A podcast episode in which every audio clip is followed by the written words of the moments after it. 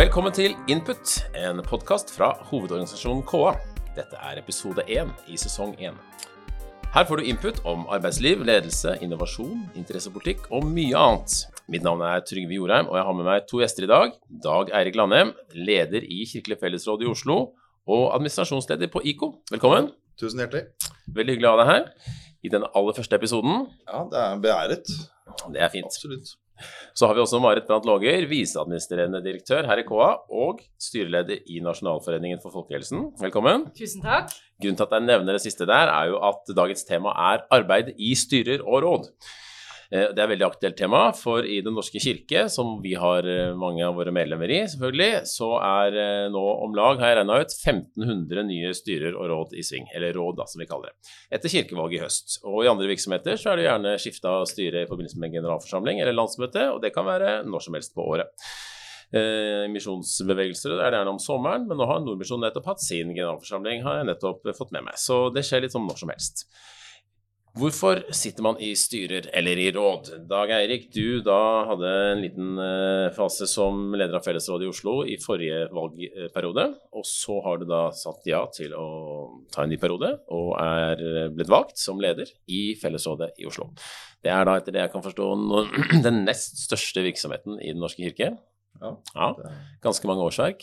det er vel godt over 300 årsverk, tror jeg. Ja, Det er spennende. st- stort ansvar. Ja. Ja. Det er mange ansatte og mange kirkebygg. Mm. Hva er det som eh, driver deg? Det er jo det å kunne gjøre en god jobb for Kirken i Oslo. Det er jo det som er eh, nøkkelen her. Mm. Og prøve å bruke de evnene som jeg sitter med, til beste. Eh, Jeg sitter som valgt representant fra Holmlia. Og det, så ble jeg spurt av valgkomiteen om jeg ville stille, og da takket jeg ja til etter litt nøye omtenking. Ja, hva var det som gjorde at du måtte tenke? Det er en stor jobb. Mm. Nå, jeg førte litt timer sånn for interessens skyld, og det er jo over 10 10 10% stilling? stilling Ja. eh, med alle møter øh, og sånt som foregår. Og selvfølgelig da må du ha klarsignal fra arbeidsgiver også på at det er greit å stikke inn på dagtidsmøter, blant annet. Ja, Nettopp. I hvert fall hos oss så er det det. Det er jo ikke alle som har møte på dagtid, men eh, Fellesrådet i Oslo, vi har det. Og da har du en jobb som gjør at det er mulig. Ja, Ja. der er det. Altså, det gjelder jo, dette gjelder jo da møter med stab, med særlig administrasjonsutvalget. Ja. Fellesrådsmøtene er på kvelden. Men du er ikke frikjøpt, så du kan klare å kombinere det med jobben din. Det er et lite honorar. Ja. Eller et, det er et honorar, kan man si. Mm. Marit, hva er det som driver deg? Du har hatt flere styreverv, men nå har du dette ene i Nasjonalforeningen. Mm. Jeg syns det er veldig spennende å ha styreverv delta i styrearbeid. Eh, Du kommer inn på et strategisk nivå i en organisasjon eller virksomhet. Eh, Du kan være med og sette kurs. Eh, Og jeg syns det har vært gøy å også ha styreverv litt utenfor den sektoren jeg jobber i til daglig. Jeg opplever også at det er spennende og nyttig for den jobben jeg har. Der får man se litt hvordan drives virksomhet andre steder, i andre sektorer. Og sånn sett opplever jeg at det gir verdi for jobben jeg har. Mm. Når du blir spurt, da, hvor lett er det å si nei? Du, eh, jeg har sagt nei til eh, en del ting eh, ut fra kapasitet. Noen ganger ut fra at det også ikke er forenlig med den jobben jeg har. Man kan jo ikke ha et styreverv i en virksomhet som er i konkurranse med den virksomheten man jobber i til daglig, f.eks. Eh, eller eh, det kan være work-life-utfordringer som gjør at eh, det ikke passer på det tidspunktet. Mm. Tidsbruk, du snakker om 10% stilling, Dag Erik. Det er jo ganske mye. Eh, hvor mye tid, da? Nå sitter det folk rundt omkring i fellesråd, menighetsråd, bispedømmeråd, eh, andre styrer. Hvor mye tid må man regne med å bruke på et, på et vanlig verv og på et lederverv? Nei, I Oslo så er det jo litt spesielt, for her har vi en, organisert i en hovedkomité som møtes månedlig, og da er det en representant fra hvert prosti. Vi har fem prostier i fellesrådet. Eh, I tillegg så er det jo da representant fra biskop, representant fra bystyret og byggansvarlige. Så det er en fin gjeng som møtes månedlig, og så er det da en representant fra hver menighet som møtes fem ganger i året. Uh, Da er vi jo godt over 40 mennesker alt i alt, så det, det er en fin gjeng det òg. Men eh, det å få over 40 mennesker til å samles månedlig, det har vi funnet ut at det blir for tungvint. Ja. Så da, da er det jo, hvis du sitter som vanlig fellesrådsrepresentant, så er det jo fem møter i tillegg til menighetsrådsmøtene. Mm. Er du i hovedkomiteen, så blir det litt mer. Men utenom møtene, da, hva gjør man da? Nei, altså det, vi har et uh, arbeidsutvalg hos oss hvor uh, kirkeverget, nestleder og jeg møtes for å forberede møt møtene i hovedkomiteen og fellesrådet. Uh, vi har også da det som jeg nevnte, administrasjonsutvalg, som er de folkevalgtes møte med stab. Mm. Så, og disse møtene skal jo forberedes. Så det er det. Og så er det jo sakspapirer, da. Det var det jeg ble forberedt på da jeg sa at jeg ville sitte i fellesråd. Liker du å lese sakspapirer, så er fellesråd saken for deg. Du svarte ja? Ja, det, jeg er litt nerdete på akkurat det. Det er klart, det. Hvor mange sakspapirsider har du på et år? Nei, det har jeg ikke telt. Nei, uh, med vedlegg så er det fryktelig mye. Ja. Men da kommer jo uh, altså diverse planer og alt. Så det blir, det blir mye. Ja, det blir mye. Har du noen eh, tips til dem som syns dette høres overveldende ut, Marit? Jeg tror det er viktig å, å, kjenne på hva man er motivert for. Eh, og jeg tror du må være litt stolt av eh, det rådet eller det styret du skal gå inn i. Mm. Tenke at eh, hvis vi lykkes her, så bidrar jeg til eh, god samfunnsutvikling. Eh, for hvis ikke det ligger i bånn, så drukner man i papirene. Mm. Det er litt sånn forholdet mellom å hugge stein og bygge katedral. Eh, man må kjenne at det er det, det, er det siste du gjør. For det er klart det er ganger hvor du har pløyd igjennom en sein nattetime. Eh, fra side 62 til 185, mm. og kjenner at det er ikke sikkert at alt gir like mye mening. Men det jeg òg syns, syns, er viktig i den sammenheng, da, det er at styreverv, eller det å være rådsleder, det er jo et stort ansvar. Én ting er selve arbeidsmengden, men et ansvar. Og, og det betyr også at du er arbeidsgiver for daglig leder. Det er noe av det jeg syns er en veldig spennende del av det å være styreleder. Eh, det har jeg opplevd både der jeg er nå i, i Nasjonalforeningen. Eh, Mina Gerhardsen er generalsekretær. Og jeg må sørge for at både Eh, hun har de ressursene som trengs for å løse de planene som Nasjonalforeningen har vedtatt. Jeg må kunne være strategisk sparringspartner med henne og følge opp henne HR-messig. Og det er også en side ved det som det kan ta mer eller mindre tid. Derfor er jo det spørsmålet litt vanskelig å svare på. ikke sant? Mm. Styreverv kan, hvis det er plain sailing, alt funker bra, økonomien er god, eh, det er ikke de store utfordringene, så kan det være på en måte helt kurant å gjøre ved siden av full jobb, selv om du har små barn. Plutselig så springer det en bombe. I form av at eh, det er store kutt i et fellesråd. Eh, det kan være store personalkonflikter. Det kan komme varslingssaker hvor du kanskje plutselig også blir arbeidende styreleder. Da snakker vi om at du må òg da ha en arbeidsgiver som skjønner at hvis du skal ta det styrevervet, så er det noen oppsider ved det. Eh, men det er også et ansvar som plutselig gjør at du kan måtte bruke mer tid enn planlagt. Mm. Mm. Man pleier å si at en toppleder er man 24-7. Er du også styreleder 24-7 og tilgjengelig for uh, hun som du da har arbeidsgiveransvar for? Mm. mm. Det må jeg være. Det må du være. Mm. Du Dag Eirik? Ja, vi er tilgjengelig, ja. men uh, vi prøver å holde oss uh, innenfor si, arbeidstiden. Ja. rett og slett for å Ja, man skal ha et privatliv. Og jeg forventer ikke at kirkevergen jobber 24 timer i døgnet. Uh, han skal få lov til å gå ut og seile eller surfe litt, han også. Dere sitter i styret, eh, råd, eh, og leder det for store virksomheter. Men vi har mange medlemmer og mange der ute som har ganske små virksomheter, og en daglig leder som må være en blekksprut og ha veldig mye forskjellig kompetanse og ikke ha noen ledergruppe rundt seg.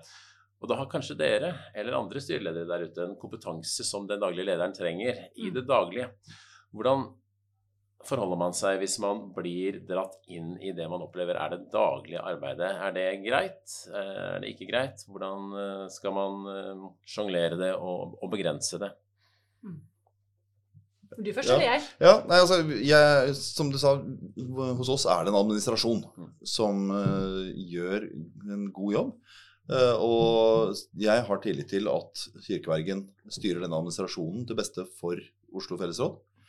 Men eh, jeg har jo kjent det som eh, har vært eh, kirkeverger i småkommuner hvor valgt leder har gått inn og gjerne tatt over jobben. Dette endte jo til slutt opp med en sykemelding, fordi at kirkevergen fikk ikke lov til å møte. Når en leder går inn og sier 'nei, bli hjemme, dette vil jeg ta', da, da ble det jo en konflikt på den. Ja. Mm. Det er jo alt annet enn ønskelig. Mm. Jeg tror det, du er inne på nøkkelen der. Altså, det er kjempeviktig å være ryddig når noe er delegert, så er det i utgangspunktet det. Mm. Eh, og, og det er klart, eh, en daglig leder må ha rom til å gjøre jobben sin. Og hvis, det da, hvis styret vurderer det sånn at, eller rådet, eh, at ikke det er riktig kompetanse eller nok kapasitet til å gjennomføre de planene som er lagt, da må man jo sørge for å skaffe den kapasiteten, eller kutte i planen. Eh, løsningen kan ikke være i utgangspunktet at rådsmedlemmer går inn. Men med det sagt, da, så, så, er det jo også noen ganger hvor det kan være nyttig å spille på den eh, kompetansen som finnes. Jeg har sjøl opplevd å være styreleder i en liten ideell barnehage. Eh, som sto i en krevende situasjon med sin kommune. Eh, og da var det en kort periode hvor jeg valgte å bruke litt mer tid på å nettopp eh, by på noe kompetanse og erfaring fra myndighetskontakt for å hjelpe daglig leder. Mhm. Men da var det med utgangspunkt i daglig leders initiativ. Eh, og det tror jeg også er litt av nøkkelen her. At eh, man kan ikke på en måte bestemme seg sjøl for å eh, leke med styreleder. Eh, det blir veldig krevende for daglig ledere som er i andre enden. Det er vel mest den situasjonen vi, vi snakker om i vår sektor. At, at daglig leder ønsker å bruke eh, de, den kompetansen som sitter i styret. Og vi har ganske mange pensjonerte eh, styreledere eller rådsledere som som uh, sikkert kan bidra hvis de blir bedt om det. Men uh, er det vanskelig å, å sette en, en, grense for involvering, altså for sin egen del, ikke for daglig leders del, men det å liksom Nå ble jeg spist opp her. Jeg er tross alt rådsleder og styreleder, ikke, ikke en del av staben. Det, det kan det sikkert Ja, det, bli. definitivt. Ja, vi har heldigvis unngått det problemet. Mm. Men igjen, altså, vi har en god, god administrasjon og en del gode ressurser. Mm. Eh, hos andre så er det jo lettere hvis man sitter med en spisskompetanse på økonomi, markedsføring, sånne ting. HR. HR jeg gjetter om, og da blir Mm. bedt om å gå inn og gjøre en jobb. Det er klart, det. Mm. Og jeg tenker i, I det tilfellet så kan det jo være hensiktsmessig hvis behovet er der, økonomien er stram og kompetansen fins i rådet eller styret. Mm. Eh, så er det klart at da kan det være en, en eh, god måte å jobbe på. Eh, men det er jo viktig da også altså For å si sånn, det er jo råd og styre selv som må sette de grensene. Det er også viktig. ikke sant? Hvordan er linjene her? Jo, eh, du har et styringsansvar, og du er arbeidsgiver for eh, kirkeverget eh, eller stiftsdirektør eller daglig leder. Eh, og det betyr at du kan ikke forvente at vedkommende skal sette de grensene for deg. Så jeg tenker Det er jo en tematikk man bør også eh, ta opp i rådet eller styret. Hvis det er sånn at mange rådsmedlemmer eller styremedlemmer er veldig slitne. Da må man jo drøfte det og se på ok, eh, her må vi kanskje enten skjære ned på planene eh, eller sørge for å tilføre administrasjonen eh, mer, mer kompetanse eller kapasitet. Mm.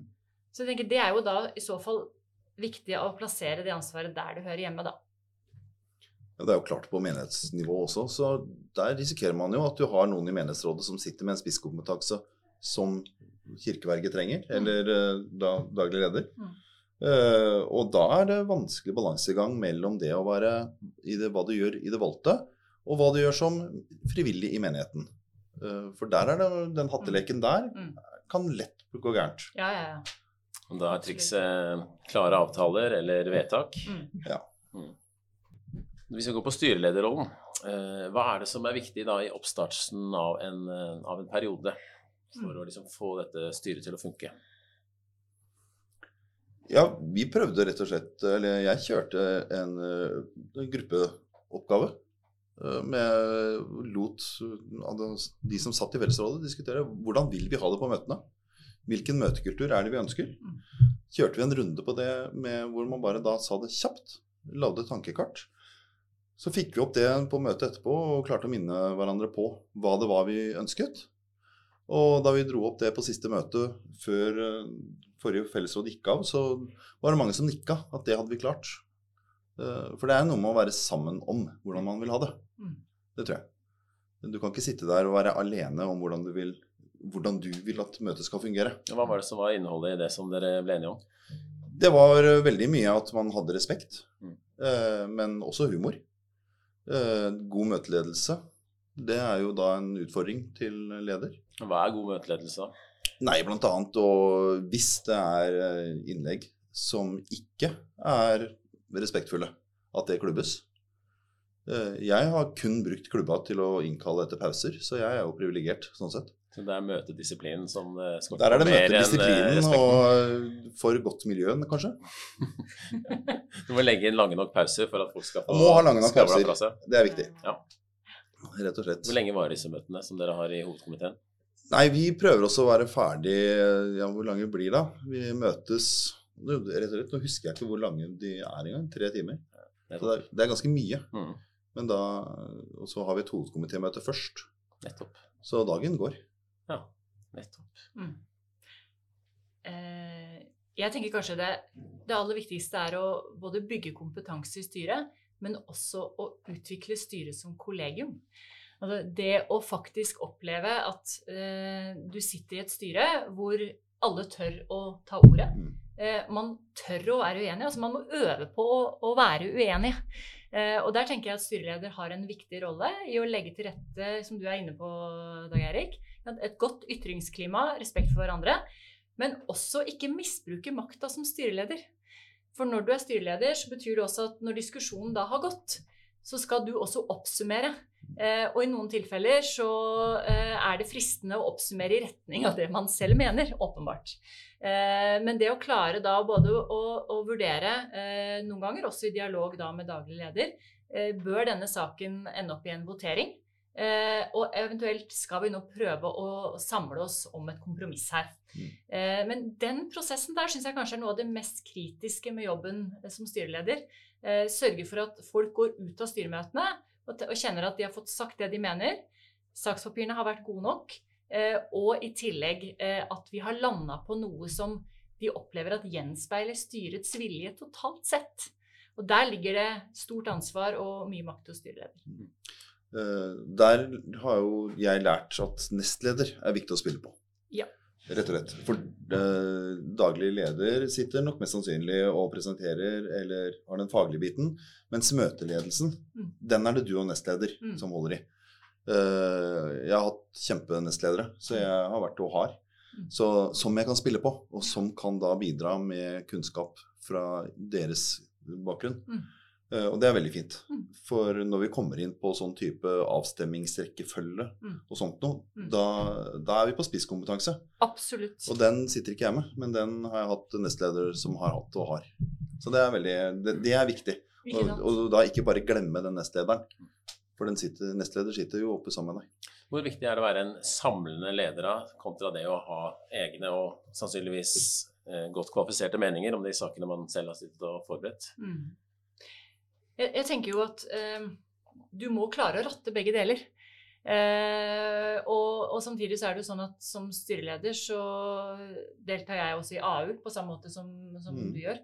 Eh, og det betyr jo også at man har drøfta eh, sakene én runde allerede. Så jeg opplever nok at eh, når vi da kommer til styremøtene, så er det veldig viktig å faktisk få rom nok for eh, styremedlemmene til å komme fram med sine meninger. Eh, og faktisk sørge for at det, det blir en reell og god diskusjon. Da. Eh, og så selvfølgelig eh, deltar jeg også som styreleder inn i den sammenhengen. Men vi har også prøvd å fordele litt i ulike styrer jeg har sett ved å bruke saksordførerskap. Eh, det gjorde vi både i Mentor Medier, der var jeg styremedlem, og vi gjorde det i Blå Kors. Eh, Og vi gjør det nå i Nasjonalforeningen. Det betyr at da får også alle styremedlemmene litt ansvar for å ha lead på forskjellige saker. Mm. Og det tror jeg også gjør noe med dynamikken og også ansvaret som hele styret føler. Da. Eh, og da tror jeg du forebygger òg den type ja, makta som kan ligge, og i negativ forstand, da, hos leder og nestleder. Ja. Risikerer at eh, noen eh, ligger, eh, er på er på et annet sted i diskusjonen enn enn de andre Mm. som sitter der. Mm. Ja. Eh, Du har jo sittet i styrer på forskjellige deler av samfunnet, si, både kirkelig og ideell sektor, men også andre sider. Er, det, er vi, vi, nå sier jeg vi som i kirkelig sektor, eh, litt dårligere til å være uenige? Eller er det bare en sånn intuisjon? Mm. Jeg tror at eh, både kirkelig og ideell sektor gjennomgående er litt for dårlig til å være uenige. Mm. Og også kjenne at det er ikke farlig. Eh, det er helt greit. Jeg tror noen sammenhenger også så legger vi for lenge lokk på at vi egentlig er uenige.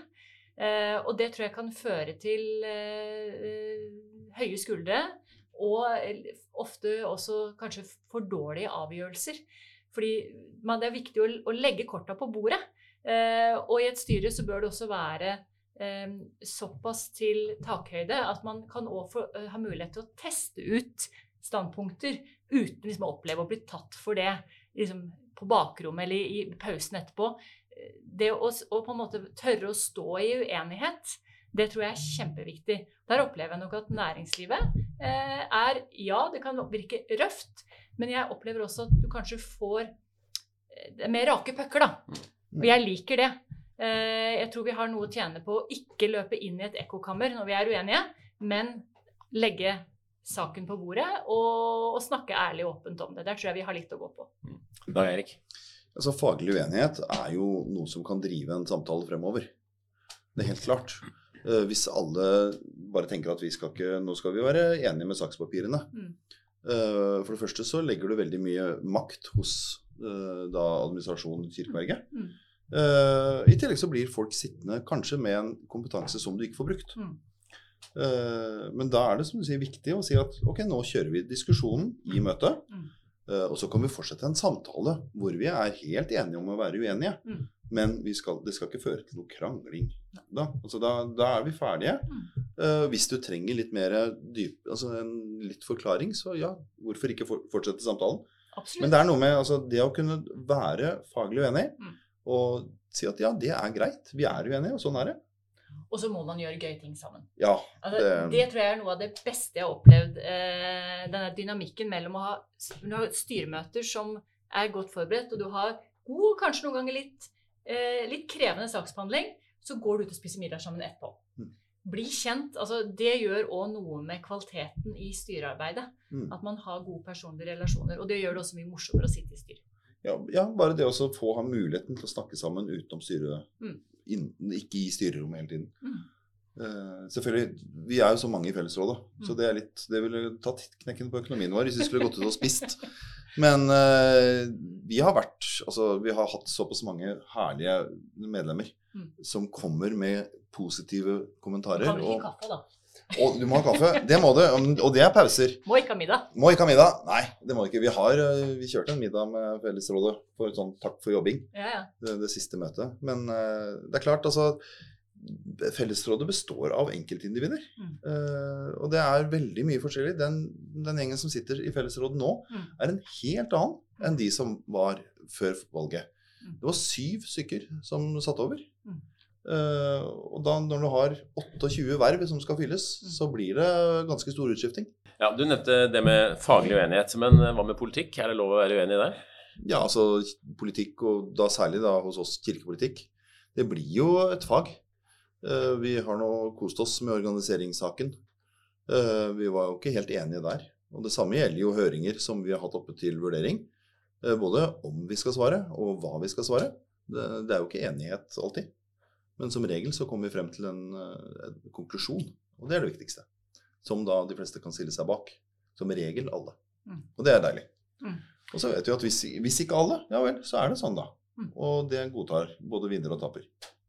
Det er jo akkurat det. Der jeg opplever jo at det er utrolig hva man kan leve med av resultat. Det har jeg også opplevd sjøl og vært på det tapende lag i ulike sammenhenger. Man kan leve med det hvis man opplever at prosessen er god, mm. eh, og at det ligger en respekt i bånn.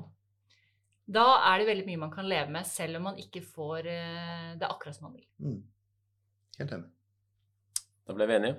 Ja. Takk for at dere kom til podkasten Input.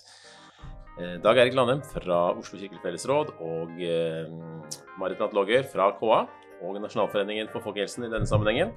Har du tips eller innspill til hva vi kan snakke om i en eh, senere episode, så kan du sende en e-post til input at ka.no. Det var alt for denne gangen. Ny episode slippes 14.2. Takk for oss.